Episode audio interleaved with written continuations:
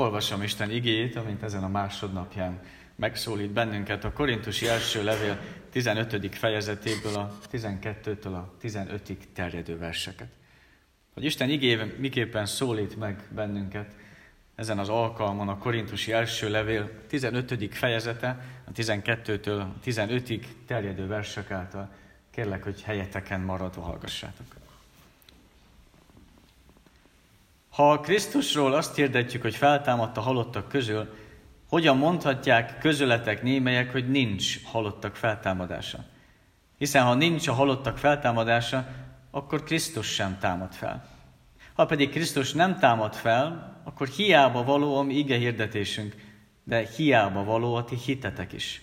Sőt, Isten hamis tanúinak is bizonyulunk, mert akkor Istennel szemben arról tanúskodtunk, hogy feltámasztotta a Krisztust, akit azonban nem támasztott fel, ha csak ugyan nem támadnak fel a halottak.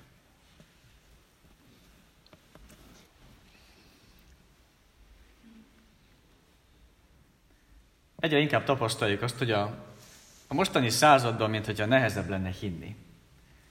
Mint hogyha bárki érezhetné azt, hogy kicsit már változtak annyira a helyzetek, hogy nehezebb hittel viszonyulni dolgokhoz. Persze régebben is voltak plegykák, hogy ki kellett válogatni, mi igaz és mi nem, régebben is hazudtak egymásnak emberek, de hát ma azért egy kicsit, mint azt is látnánk, hogy akár a, a tévé vagy az internet segítségével egy egész iparág keletkezett, ami valahol jelzi azt, hogy az álhírből is lehet megélni, és lehet nyereséget szerezni. És senki sem mentes ettől. Ha elmegyünk az üzletbe is, megnézzük az ételekre, hogy mi van benne, mit írnak rajta, azokon is annyit lehet szépíteni, csak eladható legyen.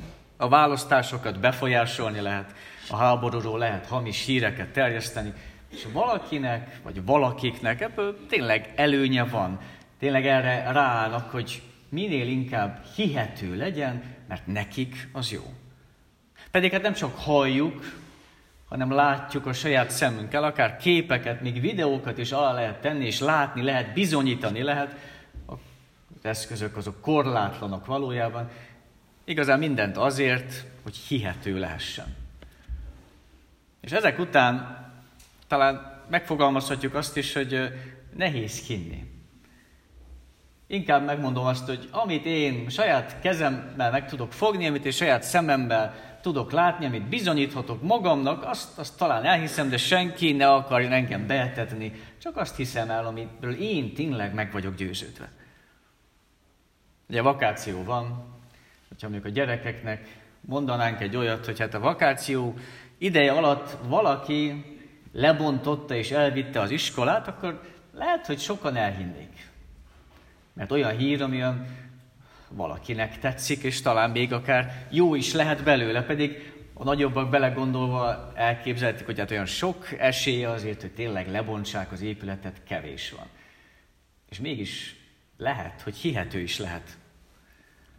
Talán, ha nehezebb hinni, akkor nehezebb ünnepelni is.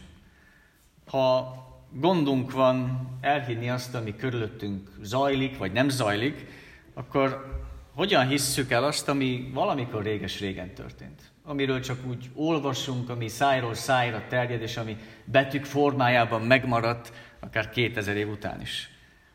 A Krisztus feltámadását sem olyan könnyű elhinni. Egyrészt ugye akkoriban is sokan megkérdőjelezték, hogy vajon tényleg megtörtént, vagy nem történt meg, de, de ma is csak úgy hallunk, vagy olvasunk róla, mennyire hihető ez. A feltámadást csak halljuk, és ha, ha igaz is, ha igaz is Krisztus feltámadása, akkor miért olyan fontos nekünk? Hogyan hathat ez a mi saját életünkre? Ugye a feltámadás kapcsán két tévhit szokott elterjedni erre a két tévhitre próbálom az ige is válaszolni. Egyik az, hogy Krisztus nem támad fel, a másik pedig az, hogy akkor nekünk nincsen feltámadásban részünk. És mind a kettő helyett, hogy könnyebb, könnyebb elhinni azt, hogy hát itt olyan szimbolikus dolgokra kell gondolnunk. Nem történt ez meg igazán, komolyan, úgy, hogy szimbólumként kell, hogy mennyire reménykeltő lehet, hogyha ha hiszünk ebben a szép képben. Vagy gondolatunk arra, hogy hát a, a természet is megújul, akkor majd mi is megújulhatunk úgy, ahogy tavasszal megújul minden körülöttünk. Vagy hát a, a gyermekeinkben hát tovább élhetünk mi magunk is, ez is egy fajta továbbélés és feltámadás, ezt is lehet érteni. És az ige valóban arról beszél, hogy Krisztus tényleg valósággal meghalt, és tényleg feltámadt, és ez nekünk is jelent valamit. Nem csak egy régmúlt esemény, amit hát is elhihetünk, hogyha van, legyen miért ünnepeljünk, de hogy ez ránk is hatással van, nekem is jelent ez valamit személyesen. Hogy a Krisztus feltámadása és az enyém az teljesen össze van fonódva. Az mi életünk és a Krisztus élete az teljesen egy, össze van kötve és összefonódott teljes mértékben. Az örömhír, a húsvéti örömhír az nem csak annyi, hogy Krisztus feltámad, hanem az is, hogy, hogy nekünk is feltámadásban lesz részünk. És nem véletlenül hangzik ez el minden sírnál, mert emberleg is teljesen logikus, amit, hogy levezeti az ige számunkra, teljesen követhető emberileg is, logikus, egyik következik a másikból, amikor azt fogalmazza meg, hogy ha hiszem, hogy feltámad Krisztus, akkor hinnem kell azt is, hogy nekem is lesz feltámadásban részem. Ha azonban nem hiszem el, hogy én is feltámadok ez élet után, akkor nem hiszem azt sem el, hogy Krisztus feltámadt. Kettő teljesen egy, összefonódott. A Krisztus története az a mi történetünk. Nem lehet külön választani a kettőt. És ez nem értelmezés kérdése, hogy hát megvan neked is a te igazad, és megvan nekem is az én igazam, én is hiszem az enyémet, te is hiheted a magadét, neked is igazad van, meg nekem is igazam van. Kizárólag csak együtt hihető a kettő. Hiába mondja bárki is, és ugye sokan szokták mondani azt, hogy hát onnan még senki nem jött vissza, nem lehet ezt bizonyítani, ez olyan hely, ahonnan nem jönnek csak úgy vissza az emberek a halálból. És milyen jól lehet válaszolni ilyenkor, húsvétkor, pontosan azt, hogy egy valaki pont azért jött vissza, hogy nekünk bizonyíték legyen. Ez az egyetlen és rendíthetetlen alapja annak, hogy tényleg mi is feltámadunk. Nehéz valahol mondhatjuk azt, hogy igen, természetesen nehéz, mert ugye magunk környezetében nem ezt látjuk. Ha körben nézünk, akkor mintha nem ezt támasztaná alá ez a világ, ez az élet, ahogy halad a világnak a menete, mint hogyha nem ezt vonhatlánk le következtetésként, hogy persze elhisszük Krisztusét, és elhisszük a miénket. De milyen hit az, amihez látás kell, amihez csak látás kell? Azért hallunk elsősorban, hogy tényleg higgyünk, és ez mindenre kihasson. Hogy halljuk és higgyük. Már csak azért is, mert az ige arra is figyelmeztet, hogyha szétválasztjuk a kettőt, a Krisztus feltámadását és a miénket, akkor, akkor teljesen összedől az egész. Néha szoktunk olyat akár akaratlanul is tenni, hogy a keresztény hitből úgy válogatunk, hogy ami tetszik, azt megtartjuk, ami annyira nem tetszik, azt inkább elfelejtjük, vagy nem figyelünk rá. Nem érdemes figyelni arra, hogy ne paráznák, hogy nem olyan fontos az, hogy ne lót, mert azért néha vannak esetek, amikor mégiscsak rákényszerülünk, ezekre nem érdemes minden alkalommal figyelni. Úgy háttérbe szorulnak néha. És néha itt teszünk a, a saját feltámadásunkkal is, hogy persze, hát ünnepelünk, Krisztus feltámad, de, de mi, hát Erről most ne beszéljünk, hát ilyesmit azért elhinni lehet. És valójában Isten tökéletesen megalkotta és tökéletesen rendbe helyezte ezt számunkra. Ennél jobbat mi, mi nem tudunk összeállítani és kitalálni, persze azért próbálkozunk. És amikor próbálkozunk, hogy egyet kivegyünk, betegyünk, valahogy a magunk módján megoldjuk, az valójában hitetlenséget jelent. Olyan ez, mint amikor egy legóból össze kell akár egy hajót, vagy egy házat, vagy egy e, traktort állítani. A mi gyerekeinek van ebben nagy gyakorlata, már Ágostont is tanítják, hogy hogyan kell a papír alapján szépen összerakni azt, ami ott van a képen. És ha a papírt úgy félre tennénk és megpróbálnánk összerakni, ugye a magunk feje után, akkor lehet egy, egy pár darab úgy megmaradni, de hát nem baj, így is jól néz ki, így is jó lesz, csak pont ezek a darabkák valahol jelzik azt, hogy nem fog működni. Ha nem annak alapján állítjuk össze, ahogy kell, ha hiány van benne, akkor kiesik egyik kereke, elsüllyedhet a hajó, összedőlhet a ház. Nem úgy van, hogy kell, mert hiányzik. Ha nem úgy állítjuk össze, nem ahogy kell, ahogy a rend adja, ahogy a papír adja, ahogy Isten adja. Ha hiány van, válogatunk, akkor várhatjuk a következményeket is.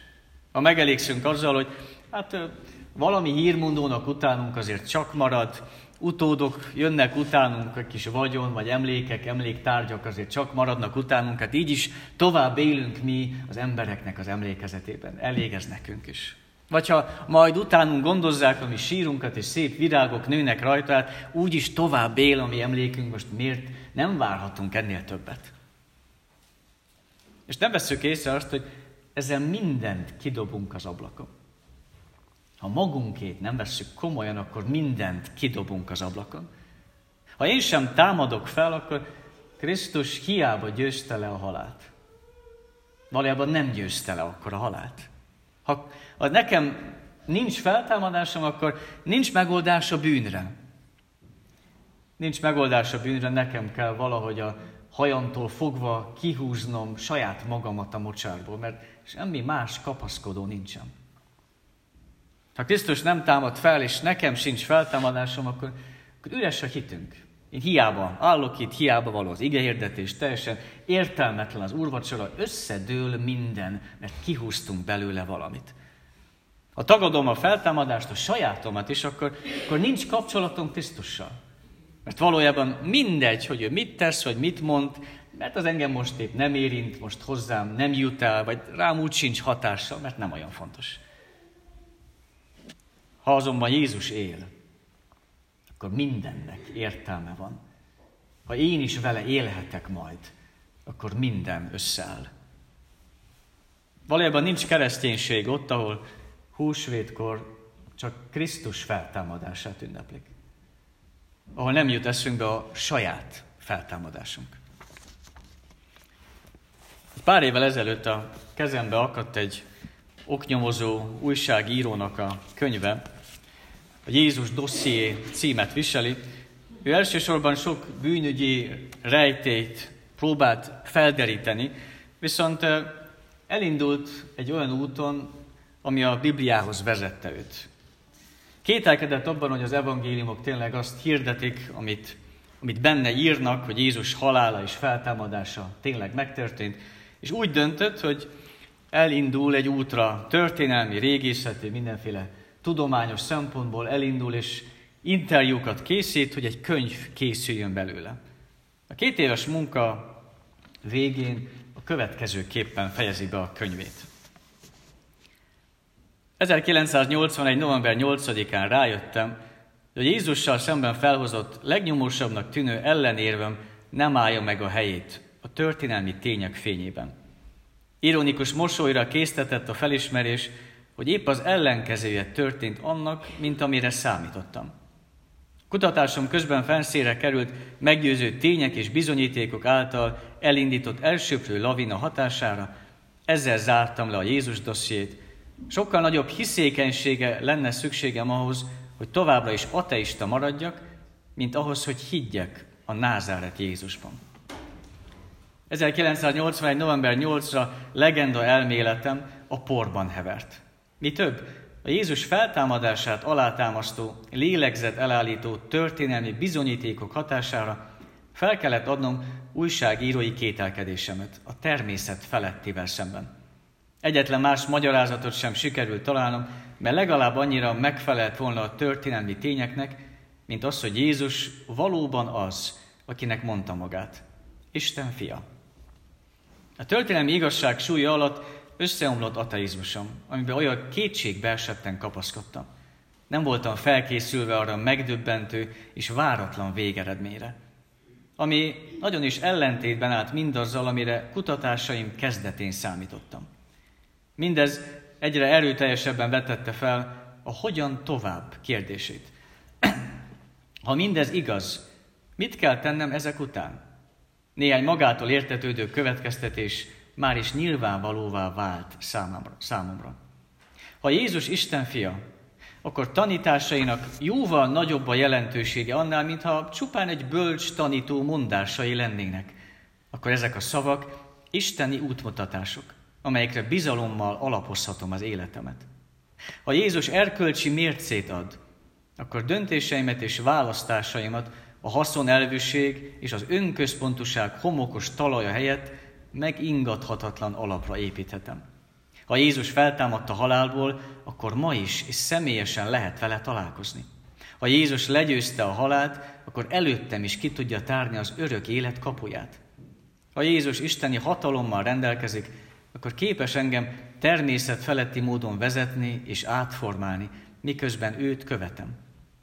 Ha Jézus maga is ismeri a szenvedés és a veszteség fájdalmát, akkor bátorítást és vigasztalást tud nyújtani az élet viharai között. Ha Jézus, mint mondja, szeret engem, akkor szívén viseli a sorsomat. Tehát nincs veszíteni valóm, csak nyerhetek, ha rábízom magam. Ha Jézus az, akinek mondja magát, engedelmességgel, hűséggel és tisztelettel tartozom neki, mint teremtőnek.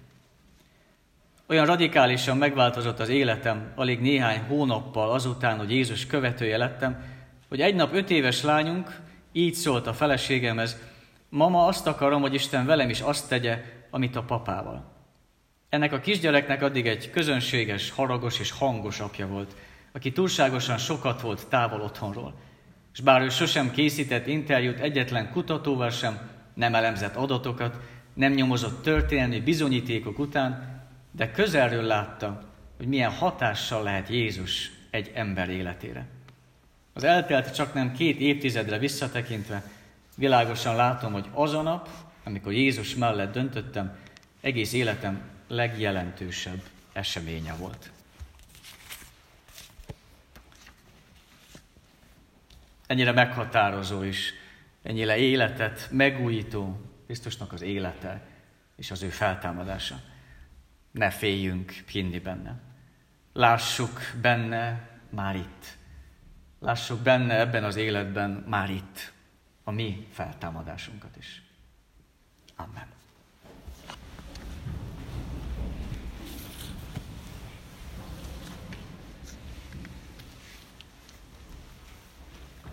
A 230. énekünk első és harmadik versszakaival válaszoljunk. 230. énekünk első és harmadik versszakait. Uram, közel voltam hozzád, mégis elszakadtam.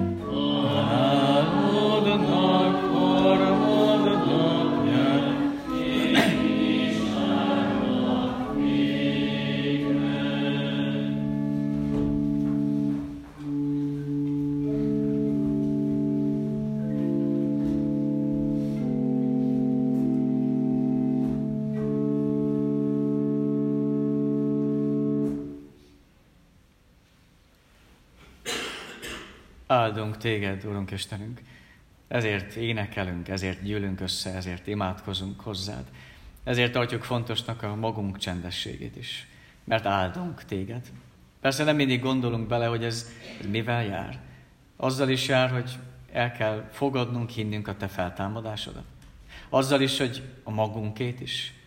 Azzal is, hogy akár ha rossz választ kapunk, mi mégis jóval próbálunk válaszolni. Ha sokszor belegondolunk, hogy mivel jár ez, akkor lehet, hogy nehezebb téged áldani. Akkor már egy kicsit hogy válogatnánk, és egy pár dolgot kitennénk, mert, mert olyan nehéz. Mert úgy már idejét múlt, és már nem tartozik ehhez a korhoz. Engedd, Urunk Istenünk, hogy lássuk meg, hogyan állítottad össze számunkra mindazt, ami a hitnek a tartó pillére. Hogy ami Krisztussal történt, az össze van fonódva a mi saját életünkkel. Nem csak egy szép kép, amit úgy melengedhetünk, hanem olyan, ami tényleg valóságosan megtörtént. Értünk azért, hogy hatással legyen ránk. Még a mi életünkre is, még a mi halálunkra is, még arra is, hogy hogyan leszünk majd veled ezután. Engedd, Urunk Istenünk, hogy így, így tudjuk, tudjunk szembenézni mindazzal, ami, ami nehéz, és akár egyre nehezebb is. Nehéz akár a magunk saját életében, akár a, a betegség vagy egyedüllét a nyomorúság, ami, amit nem tudjuk, hogy mi, meddig van és hogyan van. De enged, hogy tudjunk szembenézni akár annak közepette is, amit sokszor híreken keresztül érkezik hozzánk. Nem mindig tudjuk, hogy mi vár ránk, félelemmel, bizonytalanságban legyünk. És mégis engedd, Urunk, hogy lássuk meg ebben a Te fiat feltámadásában és a mi miénk bizonyosságában a kapaszkodót. Bármi van, ez nem tűnik el. Kérünk, hogy így legyen igazi örömünk és ünnepünk. Ez legyen számunkra az igazi fogódzórunk. Ebben tegyél egyé, ebben tegyed a mi együttlétünk ünnepé. Jézusért, a Krisztusért. Amen. Bizalommal tárjátok fel szíveteket Isten előtt.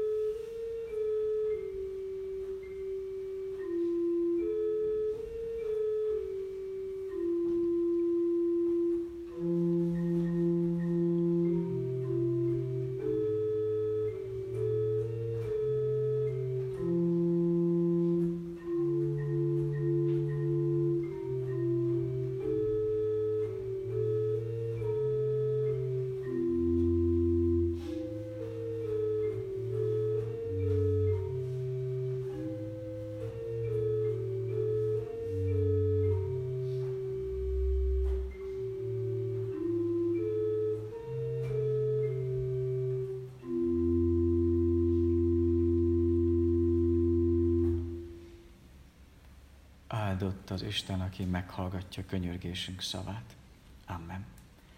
Mi, atyánk, aki a mennyekben vagy, szenteltessék meg a te neved. Jöjjön el a te országod, legyen meg a te akaratod, amint a mennyben, úgy a földön is. Minden napi kenyerünket add meg nékünk ma, és bocsásd meg védkeinket, miképpen mi is megbocsátunk az ellenünk védkezőknek. És ne vigy minket kísértésbe, de szabadíts meg a gonosztól, mert tiéd az ország, a hatalom és a dicsőség mindörökké. Amen.